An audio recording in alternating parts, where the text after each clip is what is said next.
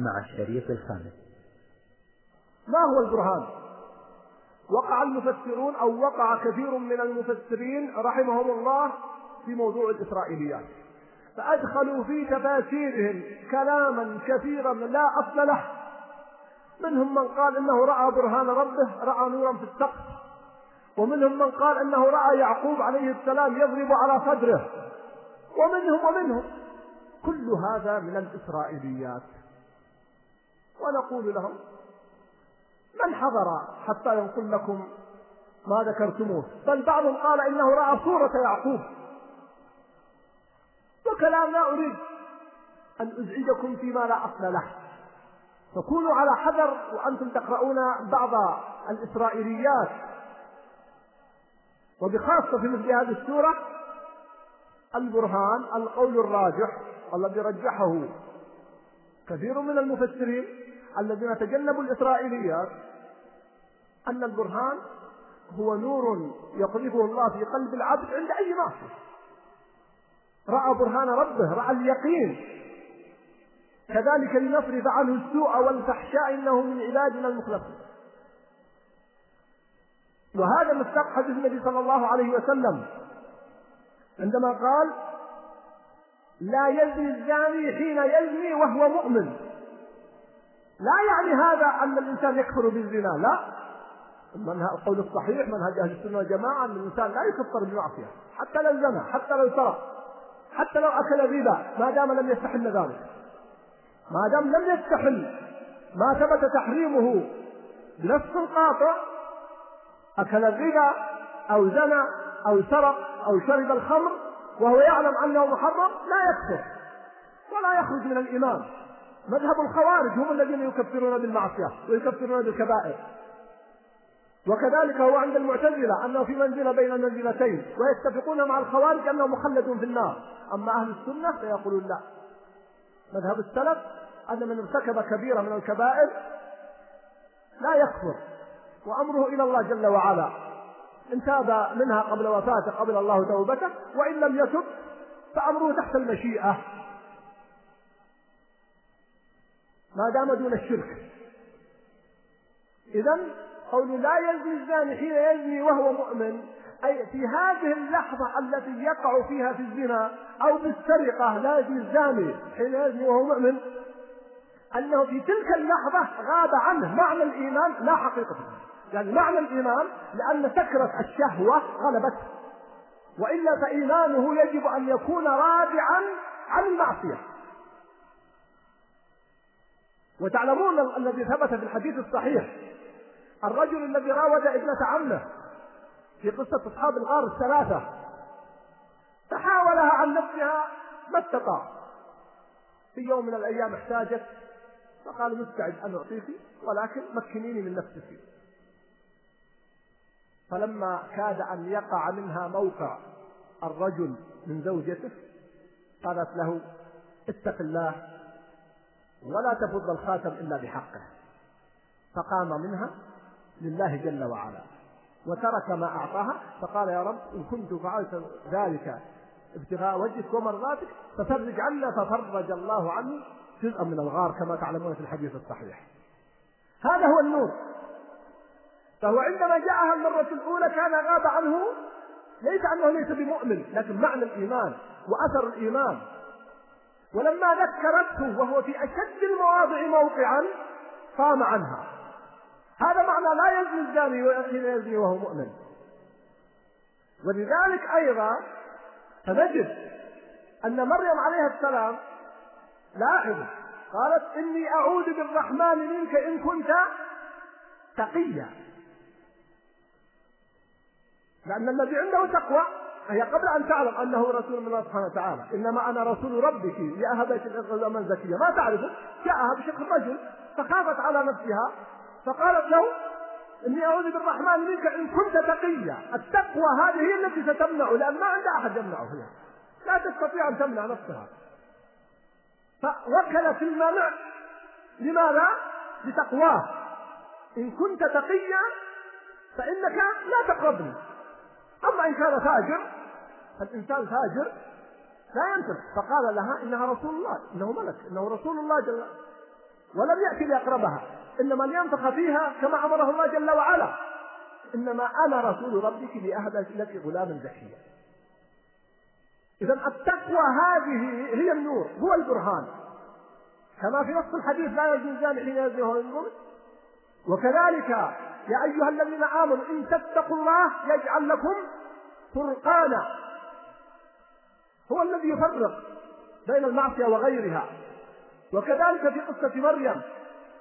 إذا هنا لولا أن رأى برهان ربه أي أكرمه الله بحضور البرهان في هذا الموضع فلم يقع.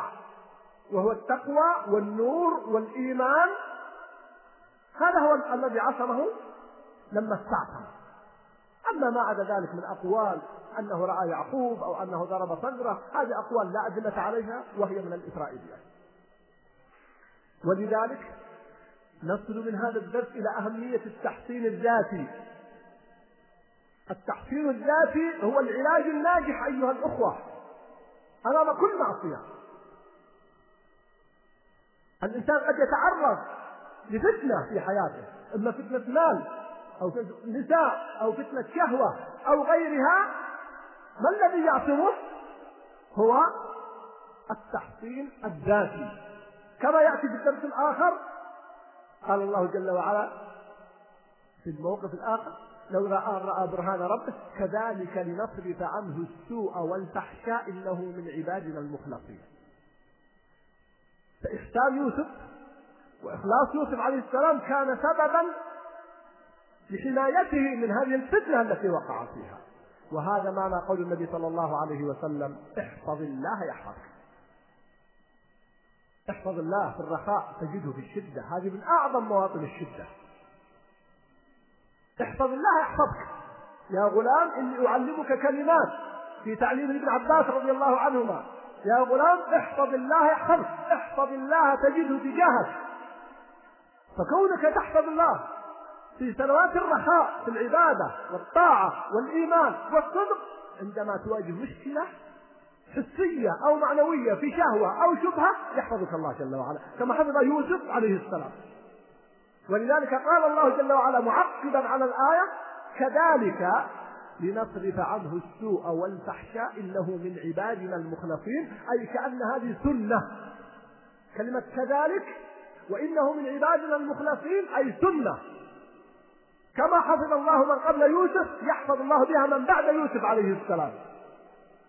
وكم من وردت قصص كثيرة جدا سواء ما ورد في سورة يوسف أو قصة هذا الرجل الذي كاد أن يقع لابنة عمه أو فيما يعرف كثير من الناس من يحفظه الله وقد يكون قارب المعصية وكاد أن يقع فيها فحماه الله جل وعلا.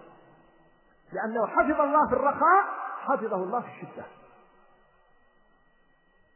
وخاصة لما تستعصم أن يلجأ إلى الله فيحميه الله جل وعلا. واستبق الباب وقدت قميصه من دبر. هنا الوقفة لماذا استبق الباب؟ أي أن يوسف هرب من المرأة. وفي ذلك درس وهو الهروب من الفتن. إذا كان يوسف هنا هرب من الفتنة فمن باب أولى أن لا يأتي الإنسان بالفتنة على قدميه. إذا كان مطلوب من المسلم أن يهرب من الفتنة إذا رآها فلا يجوز له أيضا أن يذهب إليها طائعا مختارا. من باب أولى ولذلك يقول محمد صلى الله عليه وسلم إن السعيد لمن جنب الفتن إن السعيد لمن جنب الفتن إن السعيد لمن جنب الفتن. ثلاث مرات وهو حديث صحيح في مسلم وغيره. فيا أحبة الكرام بعض الناس يتصور يقول أنا أذهب للفتنة وأحمي نفسي. قد لا تستطيع. قد تقع. فيوسف عليه السلام هرب من الفتنة. وأخذ السبب. فلحقته واستبق الباب وقدت قميصه من دبر كما هو في القرآن. نجد أيضا من هذه الدروس لما رأت الفيا سيدها هذا الباب قالت ما جزاء من أراد بأهلك سوءا إلا أن يسجن أو عذاب حقيقة مفاجئة مذهلة.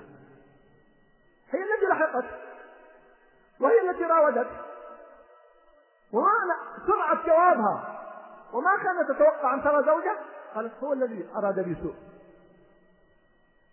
مكر الحقيقة مكر.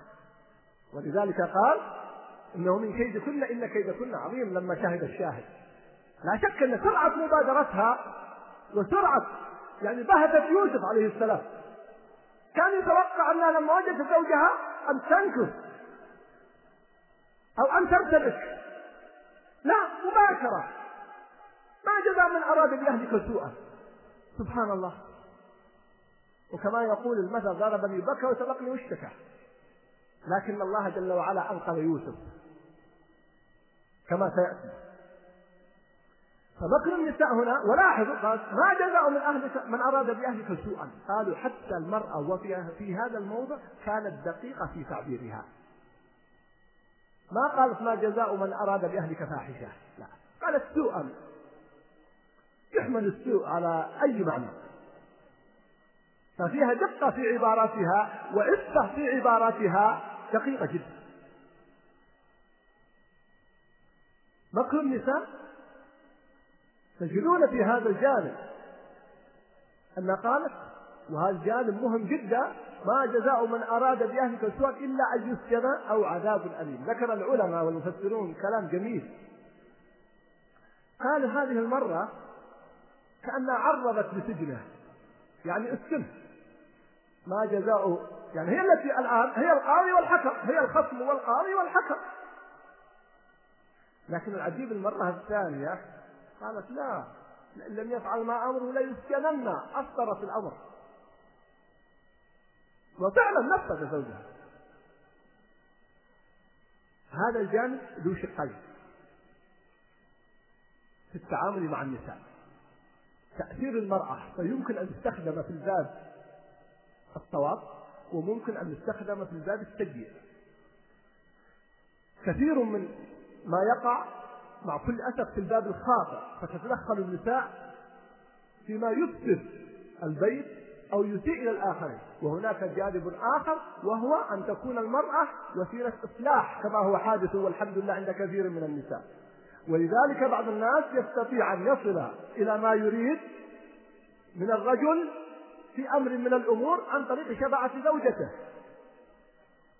بل حتى في داخل البيت بعض الأبناء الأذكياء إذا توقع أنه إذا طلب من أبيه شيء قد يرده أبوه يجعل الطلب يأتي عن طريق إحدى أخواته. فيتقبل الأب. لأن النساء ضعيفات ورقيقات وأسلوبهن غير أسلوب الرجال فأحيانا يرفض الأب من الأبناء إذا طلبوا ولكنه لا يرفض إذا طلبته. البنت. وأحيانا إذا طلبته الزوجة فيستخدم هذا الجانب في جانب الخير والشر فلنستخدمه في جانب الخير. الأبناء قد تقولون كيف؟ ليس في أمور الدنيا فقط. أنا أعرف بيوت حاول الأبناء أن يخرجوا ما فيها من آلات له وما استطاعوا. ولكن عن طريق البنت أخرجت جميع آلات الله. عن طريق الزوجة أخرجت جميع آلات الله. بأسلوب طيب رقيق لين هين تأتي لأبيها في الوقت المناسب وتكون مفتاح خير. وذكرت لكم قصة جميلة يحدثني بأحد المشايخ يقول في مسجد في الرياض بدأ في بنائه ثم توقف. فصاحبه يقول جاء وأخبرني فأنا كلمت أهلي فأختي يقول مدرسة أرادت أن تعمل خير ما عندنا طالبات خامسة ابتدائي. فقالت إن في مسجد متعطل تصور تكلم مع طالبات خمسة ابتدائي كم أعمارهن في المدرسة. لو أن يكون لو أن الواحد والدكم أي واحد ممكن يعمر هذا المسجد حتى يكتب الله له الجنة ثم ذكر الحديث أن من بنى لله بيتا نعم بنى الله له بيتا في الجنة يقول ما علم؟ يوم من الأيام إلا رجل يتصل بي قال عن فلان قلت نعم قال أريد قابلك قال صحيح عندكم مسجد يريد إكمال؟ قلت نعم. قلت أخذت معي بالسيارة وأوقفت على المسجد فإذا يحتاج مئات الآلاف فأتينا بالرجل المسؤول عن عمارته قال هذا شيء كامل وإذا ما كمل المبلغ هذا عنواني لا تطلبوا من أحد اتصلوا بي وأنا أعطيكم باقي المبلغ يقول نحن في الطريق قلت إيش قصتك أنت؟ قال أبدا أختك مدرسة؟ قلت نعم قال هي في الفصل تكلمت مع الطالبات الخامس ابتدائي فجاءتني ابنتي نحن جالسون قالت يا أبي ودك بيت في الجنة؟ قلت والله ودي بيت في الجنة قالت ودك بيت أحسن من بيتنا؟ بيتهم ما شاء الله جيد. قال لي والله ودي. قالت في مسجد يبي إكمال. والمدرسة تقول أن النبي صلى الله عليه وسلم يقول من بنى الله بيتا بنى الله له بيت في الجنة إحنا ودنا البيت في الجنة. يقول في شيء يبغي أعطيني العنوان فجابت العنوان وخلص. ما شاء الله. سواء عن طريق الأخت المدرسة جزاها الله خيرا أو عن طريق هذه الطالبة بخامة ابتدائي والله أعلم ربما لو جاء أحد الأولاد بطريقة معينة مثل ما يفعل بعض الأخوة هداهم الله يدخل على بعض التجار يقول ترى ما جئت تقول فلوس لكن من أجل مصلحتك. يقول يا أخي ألقى أنا أعرف مصلحتي. ما كنت أقف والله يا أخوان. وأنا سمعت هذا بأذني. بدل ما يأتي بأسلوب رقيق رقيق ولين وطيب يدخل على بعض التجار ويقول ترى أنا في غنى والحمد لله. لكن أردنا مصلحتك وفي مشروع. قال أخي جزاك الله خير أنا أعرف مصلحتك روح دور غيري. وبعضهم قد يسكت لا يقولها وقد يقولها في قلبه فأسرها يوسف في نفسه نحتاج الأسلوب الجميل اللين ولذلك جاء أحد الأخوة إلى أحد التجار ويبدو أنه كان التاجر في حالة غضب ودعاه لمشروع خير فأكرمكم الله قام هذا التاجر وبصق بيده ماذا فعل هذا الأخ؟ أعطاه كف أو بصق في وجهه؟ قام ومسحها. قال هذه البصقة لي فأعطني لله. فتأثر التاجر وكتب له شيك بكل المبلغ الذي يريد. قال البصقة لي أنا لكن ماذا لله؟ فاستحى وهدى. نحتاج الأسلوب اللين الطيب. فأقول لا أحوجنا إلى استنفاذ هذه الفرص. ومعرفة أن يقوم كل واحد منا بدوره رجل أو امرأة. نجد من هذه المواقف المهمة اقتران ما قلت لكم مرارا الشدة بالفرج. اقتران الشدة بالفرج. يوسف الآن في أزمة. وهرب من المرأة. فأول فرج جاءه أنه وجد الزوج عند الباب. لأنه لو لم يجد الزوج عند الباب كان في مشكلة. واستبق الباب. وقدت قميصه من دبر وألقيا سيدها لدى الباب مباشرة. هذا فرج. الفرج الثاني لما بهتته بالدعوة وقالت ما جزاء من أراد بأهلك سوءا إلا أن يسجن هذه مصيبة من المصائب. لماذا؟ لأن الرجل هو المتهم.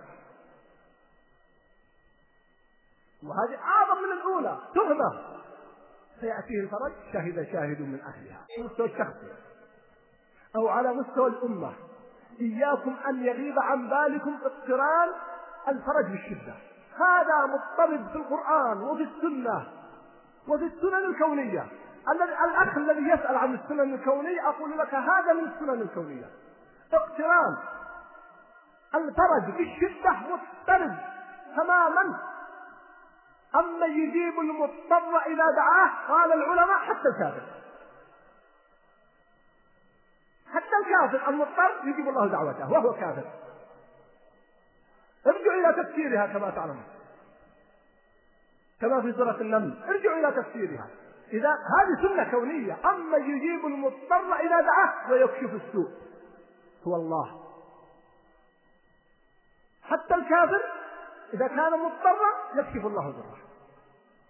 فهي سنة كونية. فعلى مستوى الفرد أو مستوى الأمة لا تقلقوا. لكن يا أحبة الكرام قد يتأخر الأمر لحكمة يعلمها الله. كما قلنا والله عليم حكيم. فعلمه وحكمته أعلم منا وأحكم سبحانه وتعالى. قد يغيب عن بالنا بعض الأمور فنيأس وقد يكون ابتلاء واختبار لك. فيوسف في موقف واحد جاءه فرجات الفرج الأول عندما وجد زوجها عند الباب والفرج الثاني عندما بهتته بالدعوة فإذا هو يجد شاهد من أهلها حتى لا يتهم. ويضع هذه القاعدة الجميلة وتنحل المشكلة. الحقيقة أن العزيز عزيز مصر كما ذكر المفسرون قد تساهل مع زوجته.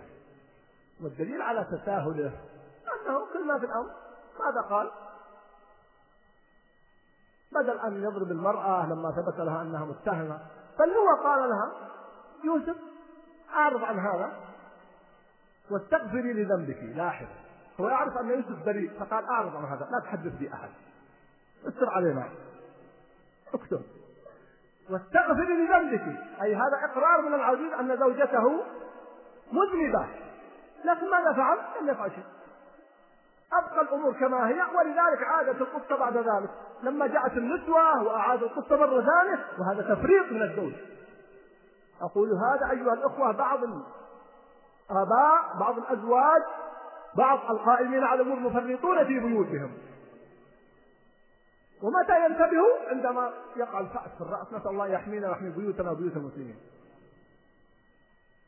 كم رأينا من الناس وشاهدناهم؟ والله يا أخوان صعقوا. عندما وقعوا في بلاء في أهلهم أو في بيوتهم نسأل الله يحفظنا وإياكم. لكن تجد أن السبب في ذلك التفريط الذي وقع فيه الأب أو الزوج أو الأخ الكبير أو القائم على البيت أو الأم أحيانا. فيا أخوة الكرام نحتاج وخاصة في هذا الزمن مع وجود الإنترنت والقنوات الفضائية والهاتف والجوال وغيرها وبلاء. أن نكون متيقظين. لا تتهموا أهلكم. لا تتهموا بناتكم. لا تتهموا أبناءكم. فمن قال هلك الناس فهو أهلكهم أو فهو أهلكهم كما في الحديث. لكن التهمة شيء وأن يكون الإنسان يقظ منتبه لأبنائه لأهله هذا شيء آخر. نحن عندنا طيبة زائدة عندنا غفلة. كيف تركب المرأة مع السائق ليس معهم أحد؟ هذا تساهل. يحدثني أحد الرجال يقول كنت عند إشارة من الإشارات في الرياض في الصباح فإذا السائق مع البنت الذي معه في السيارة أمور غير طبيعية يعني. مثل الإشارة. يقول أخذت رقم السيارة ويبدو أنهم لاحظوا أنه أخذ رقم السيارة. يقول اتصلت بالمرور أخذت الرقم اتصلت بولي أمرها. وقلت يا أخي الكريم هل أنت صاحب السيارة الفلانية؟ قال نعم. يقول قلت بس فقط أنا أحببت أن أخبرك شيء رأيته الصباح اليوم. قال أنت اليوم اللي عند الإشارة نعم. قال جالس تلاحق بناتنا. وأنت وأنت وأنت فانطلق عليه. ما الذي حدث؟ البنت لما رجعت عرفت أنه من أخذ الرقم سيتصل فسبقت إليه وقالت في واحد تابعنا ولاحقنا وفعل وفعل الرجل ما صبر حتى يعطيه القصة كيف تمشي بنت مع سائق واحد؟ من الذي فرق أيها الأخوة؟ عندما تنزل البنت في الملاهي أو في الأسواق وحدها من الذي فرق أيها الأخوة؟ لا أريد أن أزعج أسماعكم ولكن أقول لكم متيقظين. سبحان الله لا يمكن الواحد منا يترك وعنده غنم واحدة إلا مع راعي. ولكنه قد يتساهل مع أبنائه مع جلساء سوء أو مع بناته تذهب مع السائق أو تنزل في الأسواق وحدها أو في الملاهي. ويتصيدها شياطين الإنس والجن. قد يأتي ويعطيها الهاتف. هذه الجوالات التي مع ما فيها من خير فيها شر عظيم أحدثت بلاء. ونحن لا نعلم. فكونوا على يقظة. العزيز تساهل مع امرأته ولم يتخذ ما يجب أن يتخذه فتكررت المحاولة منها ومن النساء مرة أخرى ولكن الله نجى يوسف عليه السلام. نجد أيضا لأن الوقت على وشك النهاية لطيفة جميلة في بداية الشاهد. الشاهد من عدله. ما قال لما قال وشهد شاهد من أهلها إن كان قميصه ما قال إن كان قميصه قد من دبر قال إن كان قميصه قد من قبل. فصدقت وهو من الكاذبين. وإن كان قميصه قد من دبر فكذبت وهو من الصادقين. بدأ بها كأنه في صفها. حتى لا وهذا دقة في التعبير. ولذلك تجدون نفس الشيء لما وضعوا المتاع فبدأ بأوعيتهم قبل وعاء أخيه. ثم استخرجها من وعاء أخيه. وهذه أيضا لطيفة أخرى لأنه لو بدأ بوعاء أخيه مباشرة فيثير علامة استفهام. وهذا أمر واضح. فحقيقة القاضي أو الذي يريد يحكم بين اثنين أو يصلح بين اثنين ينتبه أولا للعدل وثانيا يعرض المسألة عرض يبعد عن أي ريبة أو شبهة أو تهمة. كما فعل هذا الرجل. بدأ بها يعني كأن الحق له انظر إن كان قميصه قد من قبل فهو المخطئ طيب إذا لم يكن إن كان من دبر فهي مخطئة. واضح الأمر.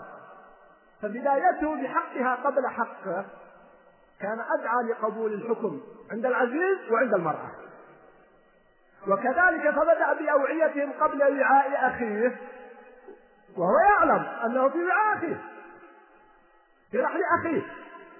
أبعد عن التهمة. وما حدث.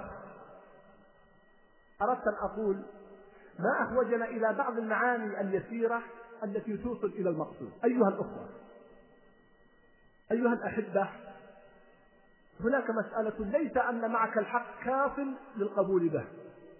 إذا أردت أن تقول الحق لابد أن تقوله بصورة يقبل بها. ولذلك الحكمة كما قال ابن القيم هو فعل ما ينبغي فقط لا. كما ينبغي. يكفي لا في الوقت الذي ينبغي. عجيبة هذه الأركان. بعضنا يتصور أن الحكمة هو فعل ما ينبغي فقط. وجد معصية لابد أن تزال المعصية. لا يا أخي الكريم قد يترتب على المعصية ضرر أكبر. هي فعل ما ينبغي. كما ينبغي. الأسلوب المناسب اختر الأسلوب المناسب. في الوقت الذي ينبغي اختر الوقت المناسب فهذا الرجل الشاهد كان حكيما ففعل ما ينبغي كما ينبغي في الوقت الذي ينبغي. فإذا أردت أن تدعو الناس أن تحل مشكلة بالذات بين طرفين لأنه مجرد شعور أحد الطرفين أنك مائل مع الطرف الآخر لا يقبل حكمك. إلا في القضاء هذا القضاء مسألة قد إلزامية لا حكم الإنسان فيه. لا حاول أن تظهرهم العدل ولذلك كان العلماء لهم دقة في هذا الأمر. في الجلوس والشكل والعبارة والهيئة وغير ذلك ما أحوجنا إلى الأسلوب المناسب في إيصال ما نريد. إذا أردت أن تدعو إنسان ولذلك جاء رجل لأحد الخلفاء من بني أمية أو بني العباس وقال له إني قائل لك قولا ومغلظ عليك فتحمل مني. ماذا قال له؟ قال لا. قال له يقول له هذا الخليفة أنا لست أسوأ من فرعون وأنت لست أفضل من موسى. والله جل وعلا يقول فقولا له قولا لينا. ليش تقول لي كلام غليظ؟ إذا كان الله جل وعلا يأمر موسى وهو نبي بأن يلين الكلام لفرعون وهو فرعون يا أخي من حقي أنا أن تلين الكلام معي.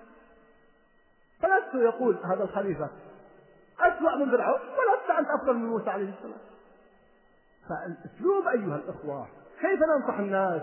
كيف نوصل الحقائق والمعاني إلى الناس؟ كيف ننقل الناس؟ وهذا يحتاج إلى حكمة وشعور بالرحمة وأن نكون رحمة على الخلق وللخلق وليس مجرد إقامة الحجة. نعم الغلظة تأتي في مواطن.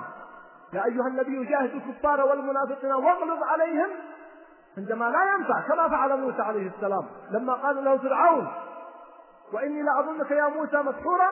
قال له لقد علمت ما أنزل هؤلاء إلا رب السماوات والأرض بصائر وإني لأظنك يا فرعون مسحورا. لكن متى قال هذه الكلمة؟ في الأخير. فاستخدم اللين في موضعه في أول الأمر والشدة والغلظة في موضعها. والحكمة هي وضع شيء كل شيء في موضعه حتى نصل إلى الأمور وبخاصة أيها الأخوة في وضعنا الآن. ليس بأيدينا أمور لا نستطيع أن نغيرها. يا أخي حتى في بيتك بعض الأمور لا تستطيع أن تغيرها. في موضوع يا أخي الكريم أن تخرج بعض آلات اللهو من بيتك قد لا تستطيع. بعض الإخوان يأتي وهو شاب في البيت وأبوه موجود وإخوانه الكبار موجودين ويأخذ جهاز التلفزيون أو الدش ويرميه. ويقول من رأى منكم منكرا فليغيره بيده. لا يا أخي الكريم تغيير اليد ليس لك. تستطيع بأسلوب آخر. كما قلت لكم عن طريق أمك عن طريق أخواتك عن طريق إخوانك الصغار تستطيع بأساليب لطيفة ذكرت دائما بها الشباب ونجحت. تستطيع تستغل بعض الفرص التي يمر بها أهلك أو أبوك وتستطيع أن تغير المنكر. فكيف بعد إذا كان خارج البيت؟ كيف إذا كان بعض المنكرات في الأسواق؟ لا نستطيع. عندما جاء بعض الشباب وتحمسوا وأحرقوا محل الفيديو. لا شك أنهم متحمسون ويريدون الخير. ما الذي حدث؟ اصلح له مكان أحسن من محله الأول. وجعل في مكان لا يستطيع أحد أن يحرقه. ما كسبنا شيء يا أخوان. إذا كان إنكارك المنكر سيترتب عليه. منكر أعظم فلا لم تؤمر بذلك لم تكلف بذلك. هذا يحتاج إلى الحكمة وبعد النظر والأسلوب الجيد كما فعل هذا الشاهد بأسلوب لطيف استطاع أن يصل إلى ما يريد وأن يوقظ يوسف عليه السلام من هذه النحلة العظيمة. الحديث ذو شجون وقد تأخرت عليكم قليلا. أسأل الله أن يبارك فيكم ونواصل بإذن الله مع الدروس القادمة مع قصة يوسف ومع ما فيها من عبر وعظات ودروس عظيمة. أقول قولي هذا وأستغفر الله لي ولكم وصلى الله وسلم على نبينا محمد والسلام عليكم ورحمة الله وبركاته. بسم الله الرحمن الرحيم. الحمد لله رب العالمين والصلاة والسلام على نبينا محمد وعلى آله وأصحابه أجمعين. أما بعد أيها الأخوة وقفنا عند قوله تعالى في سورة يوسف واستبق الباب وقدت قميصه من دبر وألف يا سيدها لدى الباب قالت ما جزاء من أراد بأهلك سوءا إلا أن يسجن أو عذاب أليم قال هي راودتني عن نفسي وشهد شاهد من أهلها إن كان قميصه قد من قبل فصدقت وهو من الكاذبين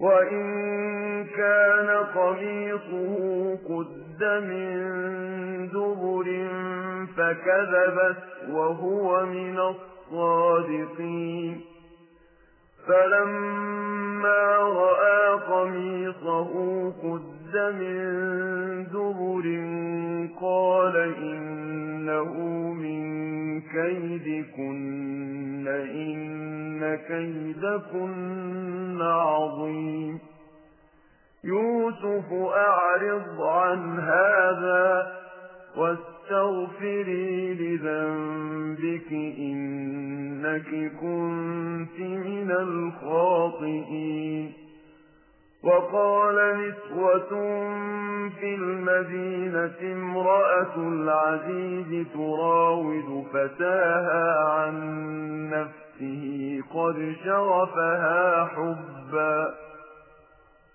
قد شرفها حبا إنا لنراها في ضلال مبين فلما سمعت بمكرهن أرسلت إليهن وأعتدت لهن متكئا وأعتدت لهن متكئا وآتت كل واحدة منهن سكينا وقالت اخرج عليهن فلما رأينه أكبرنه وقطعن أيديهن وقلن حاش لله ما هذا بشرا وقلن حاش لله ما هذا بشرا إن هذا إلا ملك كريم قالت فذلكن الذي لمتنني فيه ولقد راودته عن نفسه فاستعصم ولئن لم يفعل ما آمره ليسجنن وليكون من الصاغرين. قال رب السجن أحب إلي مما يدعونني إليه وإلا تصرف عني كيدهن أصب إليهن وأكن من الجاهلين. فاستجاب له ربه فصرف عنه كيدهن. إنه هو السميع العليم. الوقفة هنا بعض الناس يشكل عليه المعنى ويقول إن الله جل وعلا قال في القرآن إن كيد الشيطان كان ضعيفا. فقال في سورة يوسف إن كيدكن عظيم.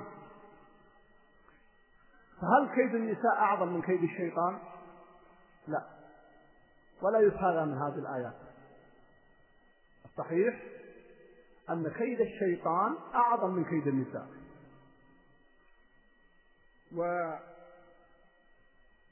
لأن كيد النساء أثر من آثار كيد الشيطان. كيد النساء أثر من آثار كيد الشيطان. لولا أن الشيطان نزغ هؤلاء النسوة فهو من كيد الشيطان. فكل آية تؤخذ في معناها. لم تكن هناك قضية مفاضلة بين كيد الشيطان وكيد النساء. هذه آية مستقلة وتلك آية مستقلة. فنحن نقول نعم إن كيد النساء عظيم كما قال الله جل وعلا. إن كيدكن عظيم. وهذا واضح وظاهر. لكن كونه عظيم كيد الشيطان مع أنه ضعيف أثره أيضا عظيم. ويوضحه قوله تعالى كما في سورة إبراهيم ما كان لي عليكم من سلطان كما يقول الشيطان يوم القيامة ما كان لي عليكم من سلطان إلا أن دعوتكم فاستجبتم لي فلا تلوموني ولوموا أنفسكم. إن كيد الشيطان كان ضعيفا لأنه كما بين النبي صلى الله عليه وسلم أن الله رد كيده إلى الوسوسة. الحمد لله الذي رد كيده إلى الوسوسة. بينما تجد كيد المرأة مباشر كيد الإنسان مباشر وكذلك جعلنا لكل نبي عدوا شياطين الإنس والجن يوحي بعضهم إلى بعض زخرف القول غرورا. ولو شاء ربك ما فعلوه فذرهم وما يفترون. لأن الشيطان لا هل مسك الشيطان إنسانا وأجبره على فعل المعصية؟ أبدا. إنما يوحي ويوسوس ويزخرف حتى يؤثر عليه. فأنا أقول نأخذ كل آية في موضعها. فلا شك أن كيد الشيطان ضعيف كما بين الله جل وعلا وكيد النساء عظيم ولكن كيد النساء أثر من آثار كيد الشيطان والله أعلم. وقال نسوة في المدينة امرأة العزيز تراود فتاها عن نفسه الآيات أولا لاحظوا وليسمحن لي الأخوات في بعض العبارات فأنا أتحدث عن قضية تفسيرية. يقول الله جل وعلا هنا وقال نسوة في المدينة. انتشر الخبر. وذكر منه المفسرون في هذه القضية أن كل شيء جاوز الاثنين شاع وخاصة فيما يتعلق بأخبار النساء. هذا مسلم وواقع أن شيوع الأخبار لديهن أكثر من شيوعها لدى الرجال. فهذه ملاحظة تربوية يستفاد منها ولذلك أعطيكم قاعدة آمل أن تستفيدوا منها جميعا. إذا كان لديك أيها الأخ قضية خاصة أو خبر لا تحب أن يطلع عليه أحد فلا تطلع عليه أحد. لأنه إذا ضاق صدرك عنه فأن تضيق صدور الآخرين من باب أولى. والنبي صلى الله عليه وسلم ورد في حديث تكلم فيه العلماء ولكن صححه بعضهم. استعينوا على إنجاح حوائجكم بالكتمان. الحديث فيه مقال ولكن صححه بعض العلماء. حسن هذا الحديث. استعينوا على قضاء حوائجكم بالكتمان ومعناه صحيح. القاعدة التي أقولها لك يا أخي إذا كان عندك أمر سر من الأسرار. لا تحدث به أحد إلا إذا كان يحتاج إليه. لعلي أستطيع أن أوضح. مجرد كون هذا الأخ ثقة عندك ليس كافيا لأن تعطيه ما لديك من أسرار. إذا كان لا يحتاج إلى هذا السر أو هذا الخبر لا تخبره حتى لو كان ثقة ولو كان أمين ما دام لا يحتاج إليه أفضل لك. وكم؟ وقع أناس بسبب أنهم أفضوا بما لديهم من أخبار أو أسرار لآخرين وبسبب ظرف من الظروف خرج الخبر. أو خرج السر أو فلتة لسان أو تحت ظرف معين. إذا نقول قاعدة أعط الناس ما يحتاجون إليه لا ما يستوعبون. يعني قد هو يستوعب هذا الأمر لكن ما دام لا حاجة إليه لا داعي له. هذا حتى في حق الرجال فما بالك في حق النساء؟ ولذلك بعض الأزواج وبعض الأبناء يتوسعون في الحديث وبعض الأخوات يتوسعون في حديث الأسرار فتعود على أصحابها بالبلاء حتى شاع في هذه المدينة وقال نسوة في المدينة معنى الأمر انتشر على مستوى المدينة. ليس فقط على خاصة البيت. انظروا إلى هذه العبارة من النساء. وقال نسوة في المدينة امرأة العزيز تراود فتاها عن نفسه قد شغفها حبا إنا لنراها في ضلال مبين. هل يسمع هؤلاء النسوة يقول ما شاء الله صادقات ناصحات في ضلال مبين؟ كذابات ناكرات. لأن الله جل وعلا قال فلما سمعت بمكرهن هذا مكر. كم من الناس يقع في هذا المكر؟ يعلم أن بعض إخوانه وقع في معصية أو في بلاء ولا يعلم عنها إلا هو. يأتي لآخر يقول ما شفت أخونا فلان؟ الله المستعان الله المستعان والله المسكين وقع. هو يكذب بس يريد يطلع الخبر. ليس متحسر عليه ولا آسف عليه. حتى يطلع الخبر بطريقة عاطفية. نعم. أو يقول فلان الله يهديه الله يهديه. فعل كذا وكذا. يا أخي سبحان الله لماذا تكشف الخبر؟ ما دام لا يعلم عن هذا الخبر لماذا تنقله؟ هذا لا النسوة يقول إنا لنراها في ضلال مبين. ما دمت ترينها في ضلال مبين. لماذا بعد قليل؟ ساعدتنهن على هذا المكر وعلى ما أرادت لماذا وقعتن في الضلال؟ قالوا هذا شماتة وهذه أيضا فائدة أخرى. فقضية الشماتة تأتي على الشامل. ولذلك أيها الأخوة في أثر طبعا ضعيف جدا بل قال موضوع لا تشمت بأخيك فيعافيه الله ويبتليك. لكن حقيقة معناه مؤثر. الشماتة عجيبة جدا ومؤثرة. وحدثني أناس في قصص يقول شمت في بعض إخواني في حدث وما مر وقت إلا وقعت في نفس ما شمت فيه. يحدثني أحد الرجال يقول عندنا جار لنا وابنه أصلحه الله. يقول كان متمرد على أبيه. فقلت لأبيه ابنك أزعج الحارة وأزعج الجيران. قال يا أخي ماذا أفعل؟ ماذا أفعل؟ حاولت معه نصحته فعلت فعلت. يقول قلت له حتى شاب ما تستطيع أن تقومه لكنك مهمل. يقول قال وأخي والله إنني ضربته بحديده حتى كسرته مع يده. يقول قلت لا هذا كلام. يقول والله ما مر وقت إلا يتمرد أحد أولادي ويعجزني حتى ضربته بحديدة مع نفس الموضع وكسرت يده. يحدثني بنفسه. إياك أن تشمت بأحد أبدا.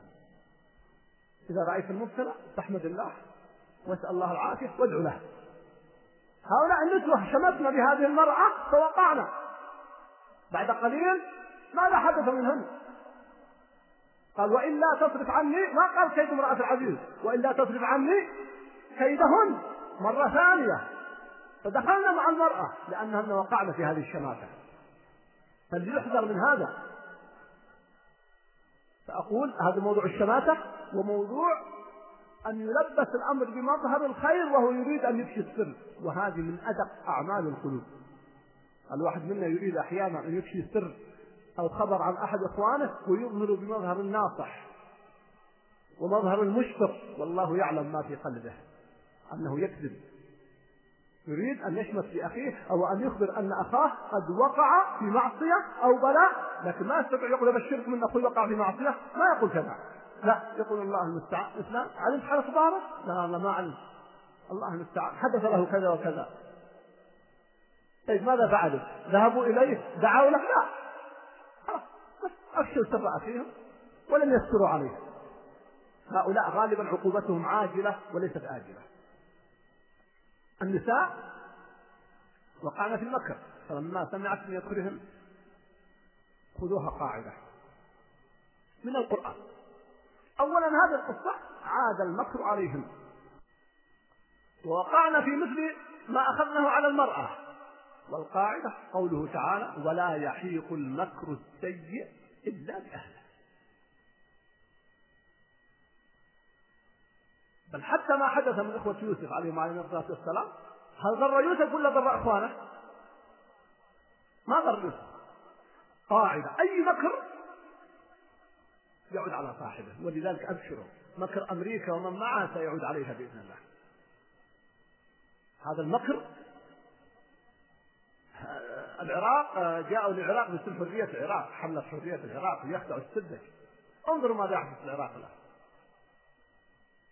لا شك أن النظام السابق ظالم وطاغية وجبار وخلص الله الإخوان والمسلمين منه. لا شك في ذلك.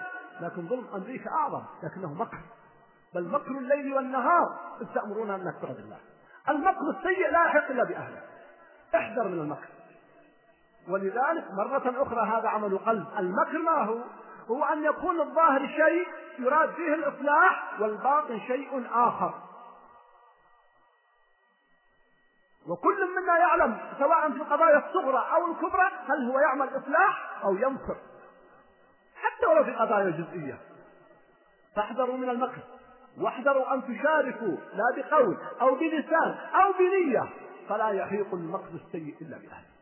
إن الله لا يصلح عمل المفسدين. وهؤلاء النسوة مكرنا فعاد المكر عليهم. درس مهم جدا. عجيب.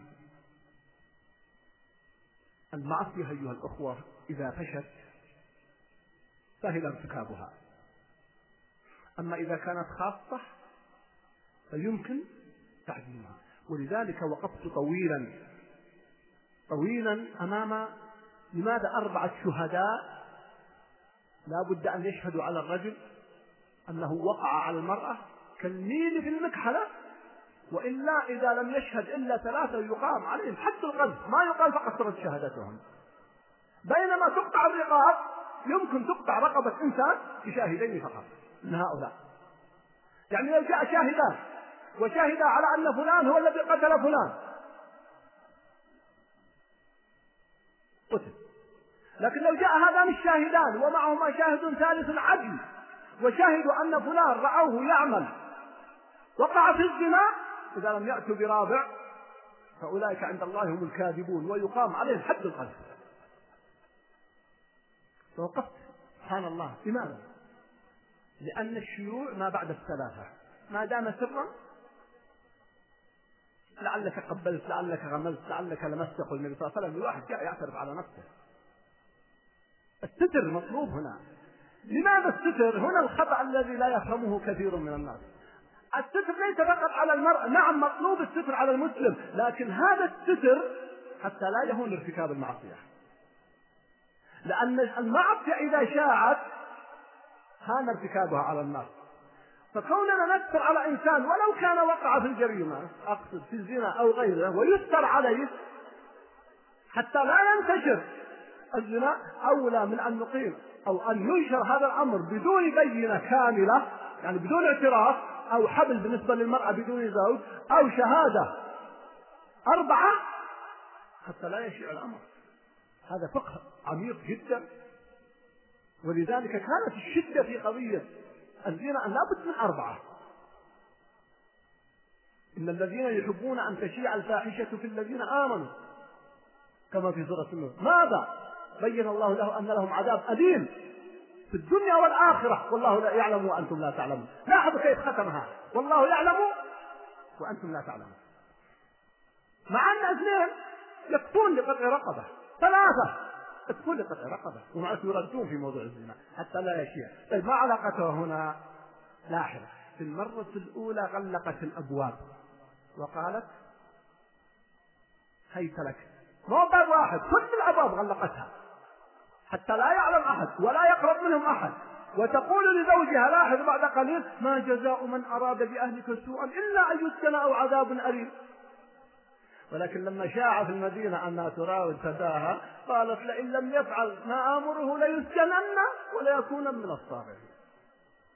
المرة الأولى تطالب بسجنه لأنه أراد هكذا هكذا تدعي هي أنه أراد بها سوءا لأنها كانت قد غلقت الأبواب ما حد يعلم. لكن لما صارت انتشر بين الناس كانت المعصية عليها وأمام النسوة وأمام الجمع. وتقول لئن لم يفعل ما ما أمر ليسجنن هناك طلب السجن بتهمة أنه فعل بها السوء وهو بريء. والثانية طلبت السجن لأنه لم يفعل المعصية وهي صادقة هنا. فعلا لم يفعل المعصية ولذلك سجن. انظروا التقابل بين آيات قريبة جدا. هناك يطلب السجن بتهمة أنه را... أنه أراد بها سوءا مع أنه لم يرد بها سوءا عليه السلام. وهنا تطلب السجن له إن لم يستسلم. فإذا شاءت المعصية تحضر في هذا الحال. الستر مطلوب ومن الستر أيضا علاج تربوي. جاءني شخص وقال بلغني أن أحد إخوانه شاب يشرب دخان. وأبوه يقول قوي وشديد. فما رأيك لو أخبرت والدي؟ قلت له أخبرت والدك. ماذا سيفعل؟ قال سيأتيه ويؤدبه. قلت لا تخبر عنه قال لماذا؟ قلت الآن ما هي مظاهر أنه يعرف أن والده لا يدري قال إذا أراد يركب سيارته أولا الدخان لا يوجد معه. ثانيا إذا أراد الوالد يأخذ السيارة أي واحد منا قال لحظة وراح يطيب السيارة. وتلقاه إذا جاء لما في البيت يحرص يتطيب أو يأخذ هيل في فمه حتى لا يدري عن أحد. قلت له إياكم لو كشفتموه مباشرة بدأ يدخن أمامكم. ويتحداكم ما دام يهاب والده خليكم عالجوه في الهيبة. عالجوه في الهيبة. قال كيف نفعل اذهبوا لأصدقائه وقولوا له ننصحك اترك الدخان. ترى لو علم والدك لفعل وفعل وفعل. لو علم أخوانك لفعلوا وفعلوا. وإياكم أن تكشف الأمر. قال طيب. هذا ما شاء الله أصبح من طلاب العلم من الصالحين الأخيار. فمعالجة بعض المعاصي التي يقع فيها أبنائك تحتاج إلى حكمة وبعد نظر واطمئنان وهدوء وعدم استعجال. ما تأتي وتقول لا نعم طبعا بعض الحالات تحتاج معالجة بالمصارحة لا يفهم كلامي أنه على إطلاقه. أنا أقول أحيانا ابدأ في قضية المعالجة من بعد كأنك لا تعلم عن شيء. لكن كن منتبه كن متيقظ كن معالجا لهذه المسألة. أفضل. فالفضح مباشرة قد يسقط الهيبة وقد يزيده الوقوع في المعصية. فهنا لما انتشرت عند المرأة في الأول تقول لا هي البريئة. ما أرى جزاء من أراد بأهلك سوءا إلا أن يسجن. لكن لما انكشفت قالت لا. يسعد ولا تأثمه هذا جزء من الطبع البشري. أيضا من هذه الوقفات مع وقفة تستعصم ما أحوجنا إلى هذه الآية في كل أحوالنا. اللجوء إلى الله كما قلت قبل قليل. فاستعصم. آية عجيبة جدا. لما ضغطوا عليه ووقع ما وقع فيه فاستعصم. من الذي يقول فاستعصم؟ امرأة العزيز. هي التي تقول وتشهد أنه استعصم أي رأته يستغفر ويتوب ويرجع إلى الله كما في الآية. والا تصرف عني كيدهن اصب إليهن وأكن من الجاهلين. أي لجأ إلى الله جل وعلا. فإذا جاءتك مشكلة خاصة أو عامة توجه إلى الله جل وعلا. وستجد الفرج. احفظ الله يحفظك. وهو دعاء المضطر. أما يجيب المضطر إذا دعاه ويكشف السوء.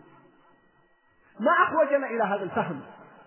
وإلى تربية النفس على اللجوء إلى الله جل وعلا والاستعصام بحبله واللجوء إليه والتوكل عليه. هذا منهج تربوي. درب عليه نفسك ودرب عليه زوجتك وأبنائك وأهلك وتلاميذك ومن حولك.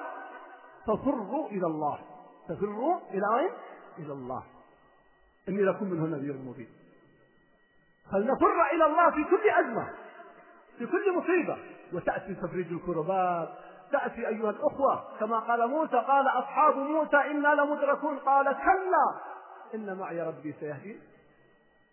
فهداه الله جل وعلا. فأوحينا إلى موسى أن اضرب بعصاك البحر فانطلق. هذا منهج تربوي إيماني عقدي. نحتاج إليه فاستعصم باللجوء إلى الله جل وعلا.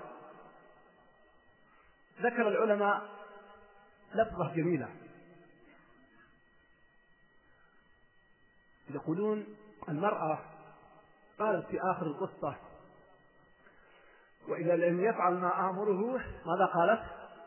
فيسكنن ولا يكونن. ما قالت ولا يكونن؟ قالوا فيها لفة جميلة جدا لأن السجن بيدها قالت متأكدة فيسكنن لكن الصغار ما هو بيدها. ولا يكونن من الصاغرين لأنه ليس إليها وفعلا. حدث السجن وصدر قرارها بالسجن. وسجن يوسف لكن حاشاه من ذلك. هل كان يوسف من الصاغرين؟ بل والله إنه العز والشرف والتمكين إلى يوم القيامة في الدنيا والآخرة. ولذلك كانت هذه اللطيفة حتى امرأة العزيز عرفت أنها قد بيدها تسجنه لكن ليس بيدها أن يكون من الصاغرين ليس من الصاغرين وهذا في عزاء للدعاة وطلاب العلم.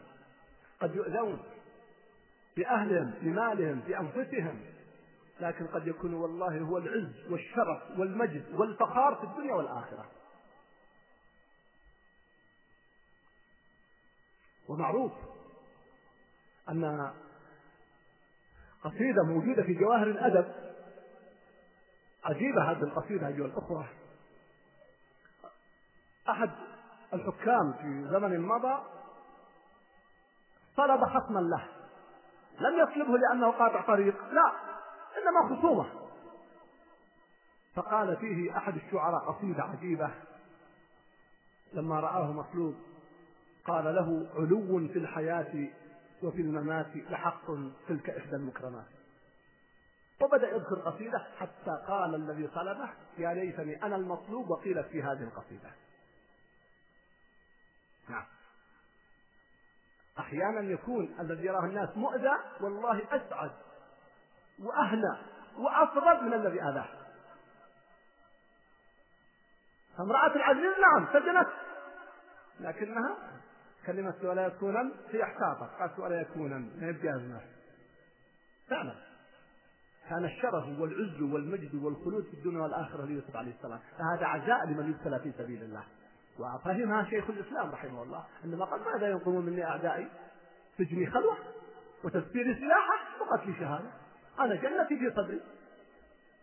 والصدر لا طاقة له. إذا هذه معاني دقيقة جدا نحتاج إليها ونحن نقرأ القرآن ونفهم هذه السيرة. أيضا في وقفة وقع فيها بعض المفسرين رحمه الله. يقول لو أن يوسف عليه السلام لم يقل قال رب السجن أحب إلي مما يدعونني إليه. قال لو أن قال إنه دعا بالسجن هنا ولذلك ابتلي فسجن هذا كلام غير صحيح. هذا كلام من بعض المفسرين رحمهم الله أخطأوا فيه. يوسف لم يدعو بالسجن ولم يطلب السجن أبدا. وتأملوا هذه القضية. الصحيح أن يوسف عليه السلام كان في أمامه خيارين. قالت المرأة خيار لئن لم يفعل ما آمره ماذا؟ لا يسجنن يعني ما عندك إلا خيارين. فطبيعي أن يختار أحدهم. يعني بمعنى هما أمران مكروهان. السجن مكروه وفعل الفاحشة مكروه ومحرم. إذا اختار الأحد دفع المفسدة الكبرى بالمفسدة الصغرى وإلا هو لم يختر السجن. بل قال العلماء إن قوله وهذا هو الفهم الصحيح رب السجن أحب إلي دليل على أنه لا يريد السجن. لكن يقول إن لم يكن إلا السجن يا رب فليكن السجن. فسياق الآية ودلالة الآية يدل على أن يوسف يقول إنني لا أريد السجن. والسجن ابتلاء. ولكن قال إذا كان في مقابل فعل الفاحشة والاستجابة لهؤلاء النسوة فلا ولذلك قال رب السجن أحب إلي مما يدعونني وإلا تصرف عني كيدهن أصب إليهن.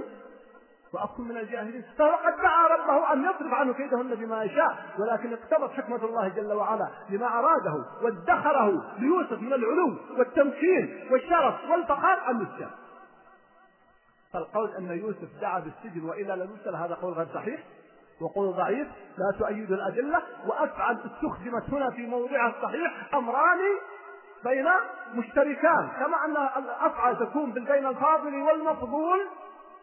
زيد أفضل من عمرو فتكون أيضا بين أمرين سيئين أحدهما أو ابتلاءين أخف من الآخر. فالسجن ابتلاء والوقوع في الفاحشة ابتلاء فهو اختار بصيغة أفعل أخف البلائين ولو عبر بكلمة أحب فهو لا شك أحب إليه. قطعا أحب إليه. أحب إليه من الوقوع في الفاحشة. هذا القول غير صحيح فلينتبه لذلك. ونختم بقوله يوسف عليه السلام وإلا تصرف عني كيدهن أصب إليهن وأكن من الجاهلين. شكوى واقتراح بين يدي الله جل وعلا وتضرع إليه. فاستجاب له ربه. فصرف عنه كيدهن إنه هو السميع العليم. قفوا مع كلمة إنه هو السميع العليم. هذا خبر. فمعناه كما صرف عن يوسف عليه السلام كيد النسوة فإنه يصرف الكيد والمكر عن كل من التجأ إليه. قد سمع الله قول التي تجادلك في زوجها. فجاء بصيغة الخبر. ما أحوجنا إلى فهم واستيعاب أسماء الله وصفاته ولوازمها ودلالاتها وكم مرة تحدثت عن هذا الباب الذي قصرنا فيه. مع أهمية حفظ الأسماء والصفات ووجوب أن نثبت لله ما أثبته لنفسه وما أثبته له رسوله صلى الله عليه وسلم أن نفهم دلالات الأسماء والصفات. ما معنى السميع؟ سمع الله لمن حمده. ليس المقصود بها هو مجرد السماع فالله جل وعلا يسمع. لكن أي سمع قالوا بمعنى استجاب. سمع الله لمن حمده أي استجاب لمن حمده ودعاه. إنه هو السميع العليم.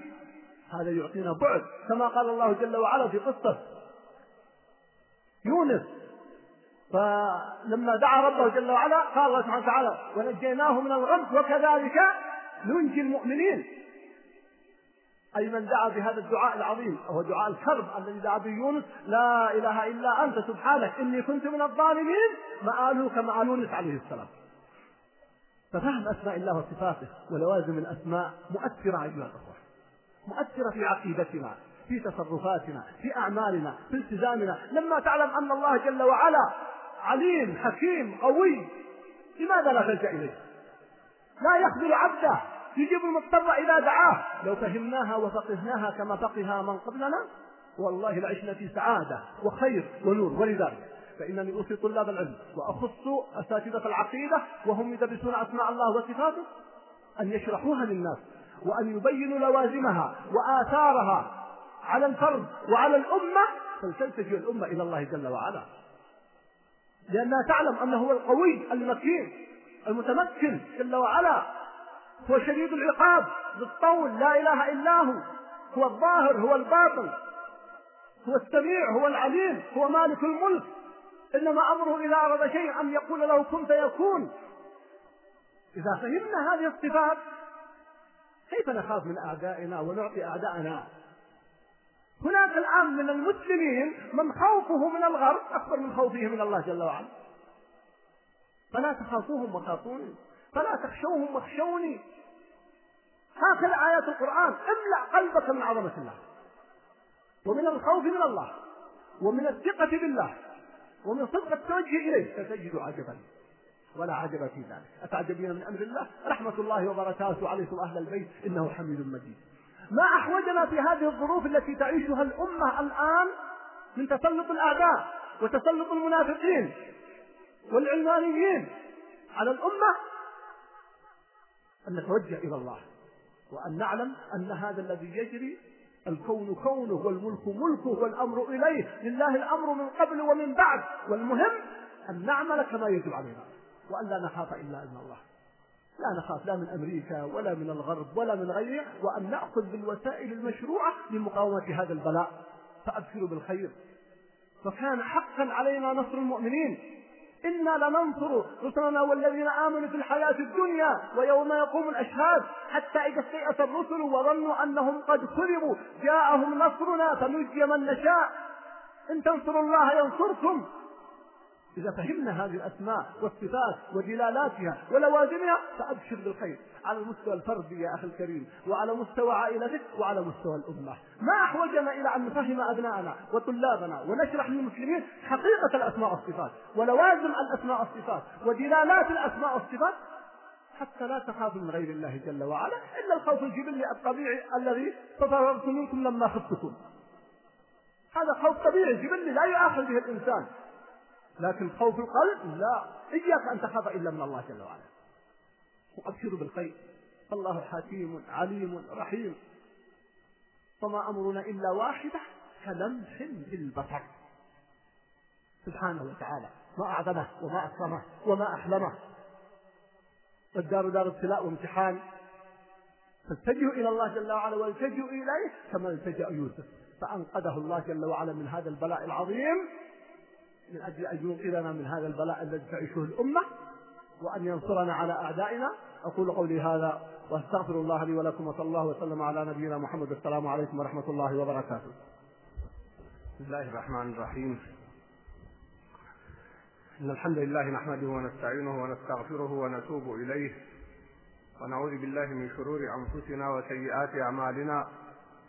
من يهده الله فلا مضل له ومن يضلل فلا هادي له. وأشهد أن لا إله إلا الله وحده لا شريك له وأشهد أن محمدا عبده ورسوله صلى الله عليه وعلى آله وصحبه وسلم تسليما كثيرا. أما بعد أيها الأخوة المؤمنون فسلام الله عليكم ورحمته وبركاته.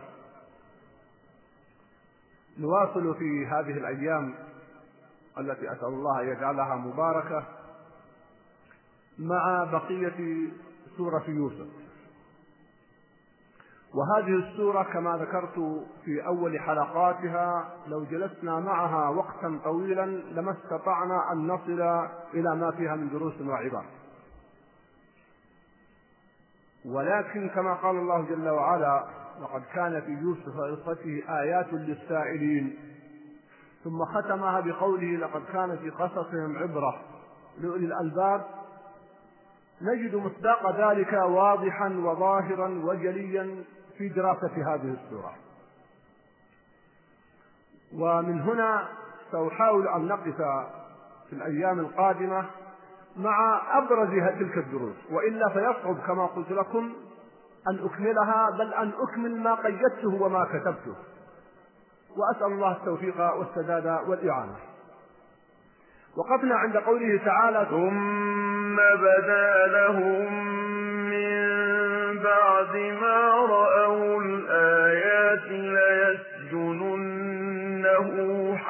حتى حين ودخل معه السجن فتيان قال أحدهما إني أراني أعصر خمرا. وقال الآخر إني أحمل فوق رأسي خبزا تأكل الطير منه. نبئنا بتأويله إنا نراك من المحسنين. قال لا يأتيكما طعام ترزقانه إلا نبأ ينبئكما بتأويله قبل أن يأتيكما. ذلكما مما علمني ربي. إني تركت ملة قوم لا يؤمنون بالله وهم بالآخرة هم كافرون. واتبعت ملة آبائي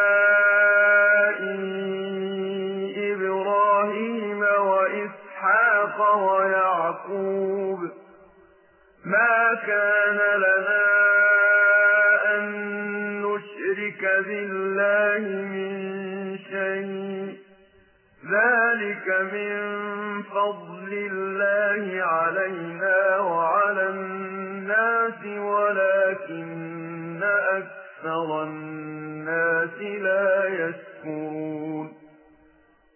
يا صاحبي السجن أأرباب متفرقون خير أم الله الواحد القهار ما تعبدون من دونه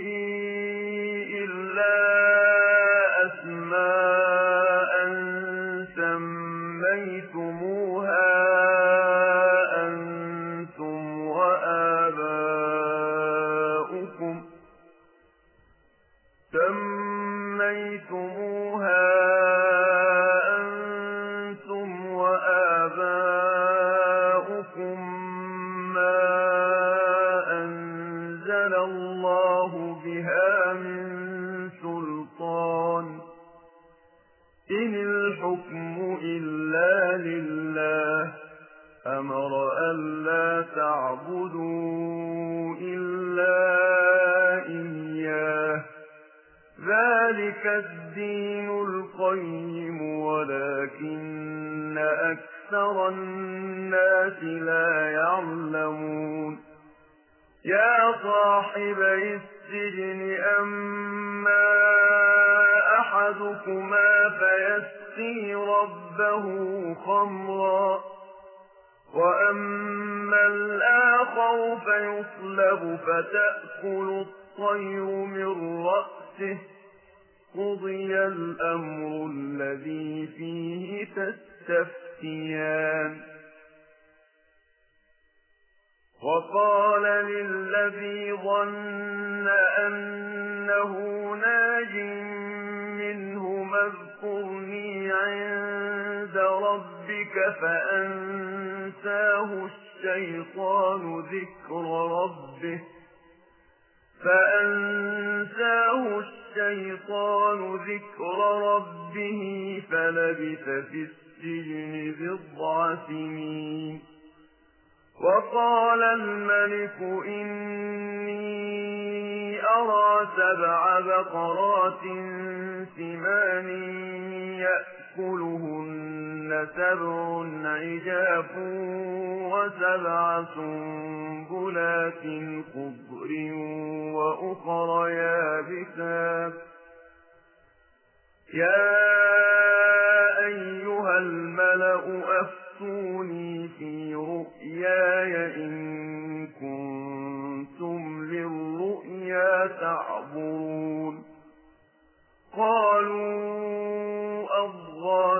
أحلام وما نحن بتأويل الأحلام بعالمين.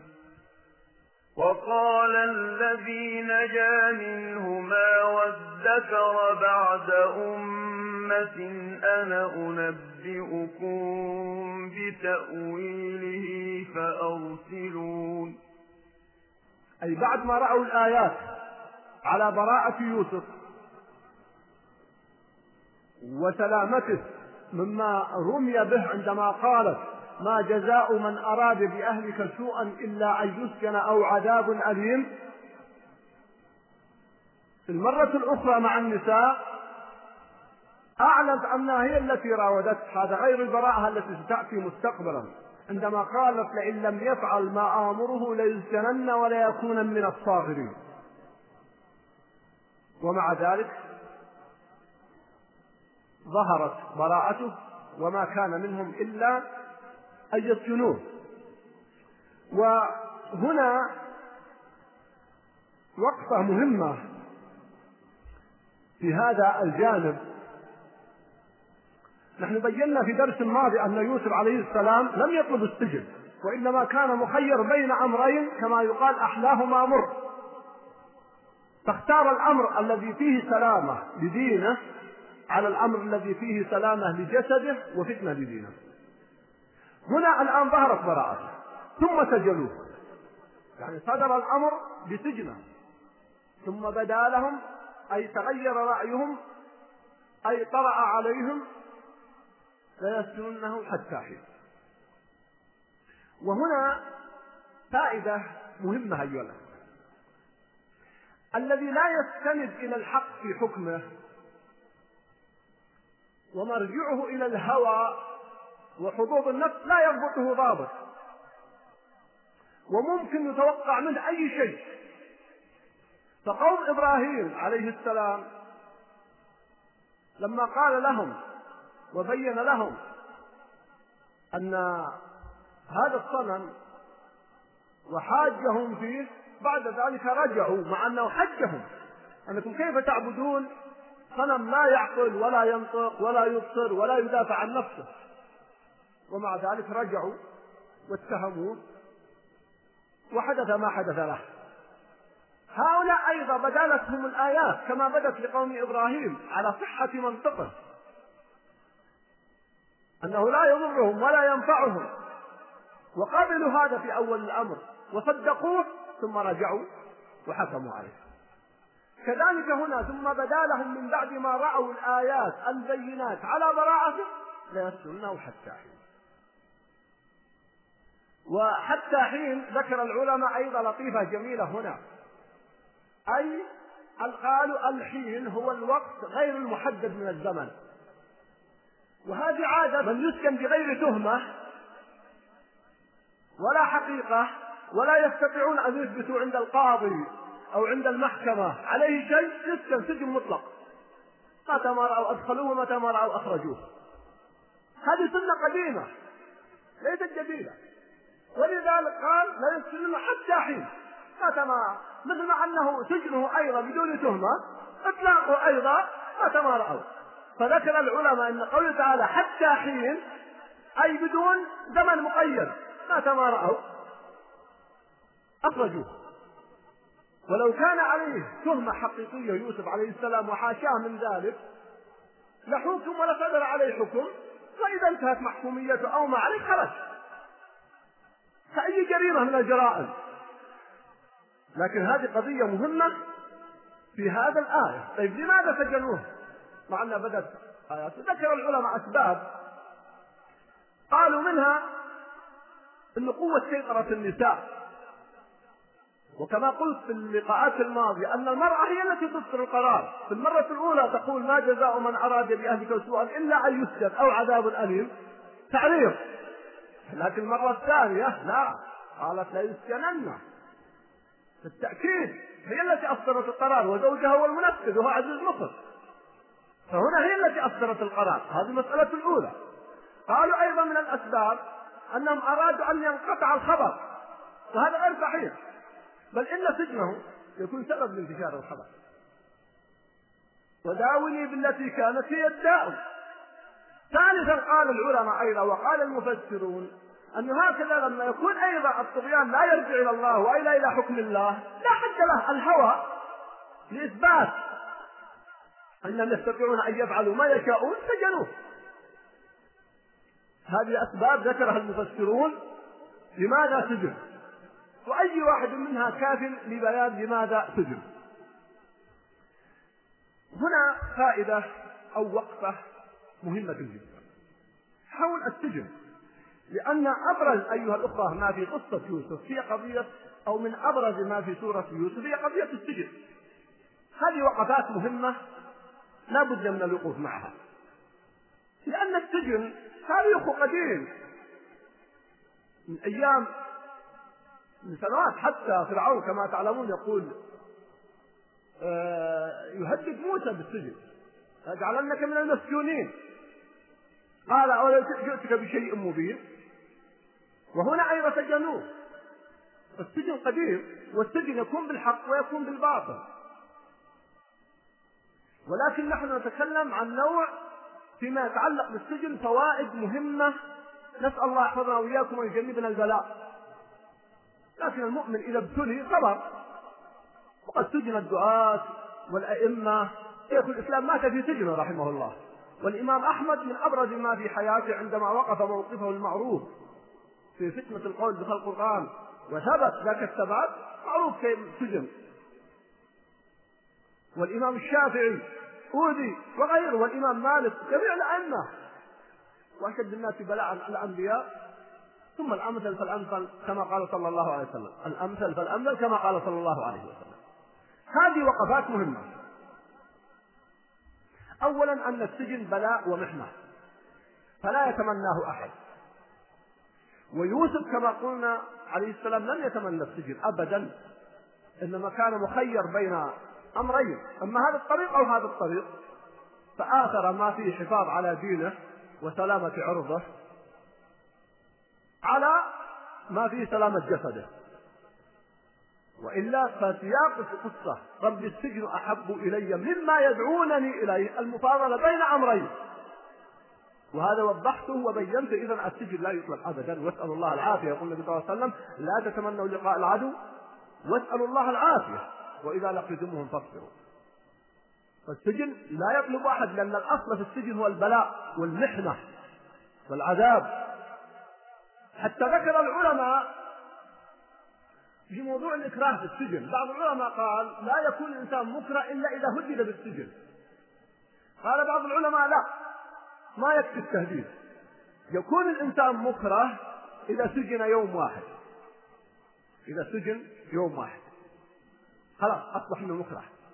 ولذلك أنا سبقا ذكرت لكم قلت التمسوا لإخوانكم الأعذار أحيانا لا تثربوا عليهم من ابتلي منهم.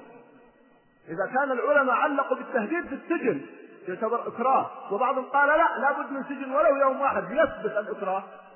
فإذا السجن إكراه فلا يتمناه أحد. هذه مسألة مهمة في هذا الجانب حتى لا نقع في الخطأ ترجع عليها ما بعدها. ولذلك موسى عليه السلام وهو من هو؟ موسى بقوته وشدته. وهو من أولي العزم من الرسل. لما قال له فرعون لاجعلنك من المسجونين ماذا قال؟ ما قال السجن قال اولم جئتك بشيء مبين. لا يريد السجن هو ولا أحد يتمنى السجن ولا يوجد عاقل يتمنى السجن. والبلاء موكل بالمنطق. قد يتمناه إنسان فيبتلى ولا يثبت عند البلاء. ثانيا أن السجن إما أن يكون لأمر شريف أو يكون لأمر حقير. أكثر ما ندخل السجون على مر التاريخ هم المجرمون وما وضع السجن أصلا إلا لهؤلاء. لكن أحيانا يدخله غيرهم. كما قلت لكم كما سجن محمد صلى الله عليه وسلم في الشعب. هذا من أشد أنواع السجن كما سأذكر بعد قليل. وسجن المصلحون وسجن الدعاة وسجن الأنبياء. فهو إما أن يكون لأمر شريف أو أن يكون لأمر حقير. نسأل الله السلامة والعافية. فمن هنا أن السجن إذا كان لأمر شريف أي لأجل دعوة الإنسان وهو على حق. ولكن ابتلي فيه فإنه عز ورفعة ومكانة ويقلبه الله جل وعلا من محنة إلى منحة. هذه مسألة مشاهدة مجربة. قال شيخ الإسلام ما ينقم مني أعدائي.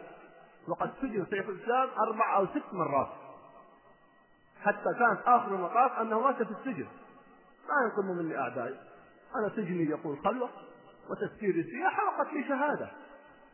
فكما أن الإنسان إذا قتل في سبيل الله فهو شهيد كذلك إذا سجن في سبيل الله فهو عز ورفعة ومكانة وهذا مشاهد. والناس يفهمون ويدركون ويعقلون.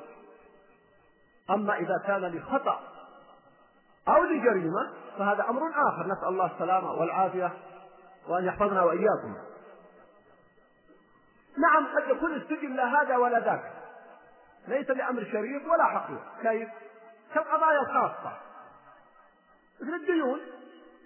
قد يكون إنسان يسجن بسبب دين وإن كان الدين كما تعلمون معروف حكم المعسر في الإسلام ووجوب إنظار المعسر لكن قد يسجن بسبب هذا الأمر. ففي هذه الحالة لا نقول إن سجنه لأمر شريف ولا نقول أيضا أنه لأمر حقير إنما قضية خاصة. يعني قد إنسان الله يحفظه يكون قد يقع عليه حادث يصدم إنسان.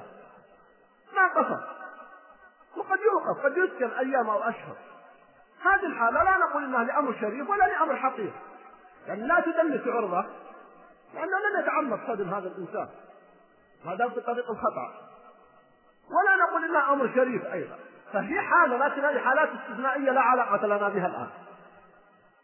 خذوا مني هذه النصيحة وأخص الشباب بها. أشد ما يعانيه المسجون إذا سجن. أنا لا أتحدث انتبهوا الآن بعد الآن عن قضايا السجن لأمور حقيرة وجرائم وغيرها لا أتحدث عن هذا. أتحدث عن ما يسجن في سبيل الله أو قد يبدو أنه كذلك أو قد يبدو وقد لا يكون كذلك. وهو أشد ما يعانيه المسجون ليس السجن. متى؟ الذي يسجن لسبب يتضح له أنه لم يكن مقتنعا به. أن يعمل عمل غير مقتنع فيه قد يغرر به أو قد يدفع لأمر. فإذا سجن هذا الحقيقة سجنه من أشد أنواع السجن. لأنه تعذبه نفسه. وفي حالة سجنه وخلوته وتخلي الناس عنه يبدأ يراجع نفسه ويكتشف أنه وقع في خطأ في عمل ما كان ينبغي له أن يعمله. سأمثل لكم أمثلة؟ يعني في هذه الأجانب لأنني ف... سأكون صريحا معكم لأنني ناصح لكم أيها الأخوة ومحب لكم. ورأيت هذا وشاهدته من كثير من الشباب. بعض الشباب يقدمون على أعمال بحماس أو اندفاع أو بتأثير آخرين ثم إذا سجن اكتشفوا كم هم مخطئون في سبب سجنهم وبسبب عملهم. ليست المشكلة أيها الأخوة أن يسكن الإنسان إذا سجن على حق أو ابتلي في سبيل الله. فهو مأجور بإذن الله. لكن المشكلة أن يسجن لسبب ما كان ينبغي له أن يفعله. مثال شاب من الشباب اختلف مع محاضر من المحاضرين أو شخص أراد أن يلقي محاضرة وجاء إلى بلدهم لإلقاء المحاضرة وهذا الشاب ومعه بعض الشباب لا يرون أن يلقي هذا المحاضرة. حاولوا بطريقة معينة أن لا يأتي جاء ماذا فعلوا؟ لما بدأ يلقي محاضرة قطعوا الكهرباء. قطعوا العداد. ما الذي حدث؟ طبيعي العداد خمس دقائق ويشتغل الكهرباء. ويواصل المحاضر محاضرته ويسكن الشخص ويحاكم. هذا هو الذي ينال أذى فعلا داخل نفسه. لأنه عمل عمل لا يستحق وما كان ينبغي أن يفعل هذا الفعل. فتكون أحيانا أعمال يتصرف بعض الشباب يتصورون أنهم مصيبون في هذا العمل وهم مخطئون. يا أحبة الكرام عملنا عبادة لله جل وعلا. فإذا لم يكن عملك وفق العبادة وفق الشرع فلا تفعله فأقول الذي يسجن لسبب يكتشف فيما بعد أنه كان مخطئا هذا أشد ما يكون عليه السجن. لأنه يجمع بين سجن الروح وسجن الجسد. أما سجن الجسد فقط وهو مقتنع بموقفه وسلامة موقفه والتزامه بالحق فهذه تاريخ من القديم والحديث والله أعلم يستمر إلى قيام الساعة. هذا ابتلاء لا ينتهي. فلينتبه لهذه المسألة. إذا قدر الله جل وعلا على إنسان السجن السجن فيه أيضا أيها الأخوة يمكن أن يحوله الإنسان إلى منحة أيضا بتوفيق الله جل وعلا. فيكون السجن محل العبادة وطلب العلم ومراجعة النفس والتعود على الخلوة ومعرفة الناس عند الشدائد. جزا الله الشدائد عني كل خير. عرفت بها عدو من صديقي كما قال الشاعر. فالسجن لا تصورون أنه محنة بإطلاق بل فيه منح عظيمة جدا. الرجوع إلى الله جل وعلا. العبادة طلب العلم. أنا أذكر أحد سمعت أحد طلاب العلم يقول وهو درس كل المراحل الدراسية من أولها إلى آخرها يقول حصلت في بضع سنوات في السجن. من العلم ما لم أحصل عليه في قرابة عشرين سنة. مع أنه تخصص علم شرعي. كثير من الناس يدخل وهو لم يحفظ القرآن فينصرف إلى حفظ القرآن ويخرج وهو حافظ لكتاب الله جل وعلا. وهذا مشاهد الحمد لله مراجعة النفس. يا أخي الكريم أنت لست معصوم. ليه؟ المعصوم هو محمد صلى الله عليه وسلم. فرصة الخلوة أن يراجع الإنسان نفسه وعن أعماله ويراجع طريقه. هل هو على الحق أو هناك خلل؟ فهذه فرص أيضا فرصة للتفكير. يفكر. في واقعه وفي مستقبل الأمة وفي مستقبله. إذا أقول هناك فوائد كثيرة جدا إذا استثمرها المسلم بالإضافة إلى الدعوة إلى الله جل وعلا كما فعل يوسف عليه السلام.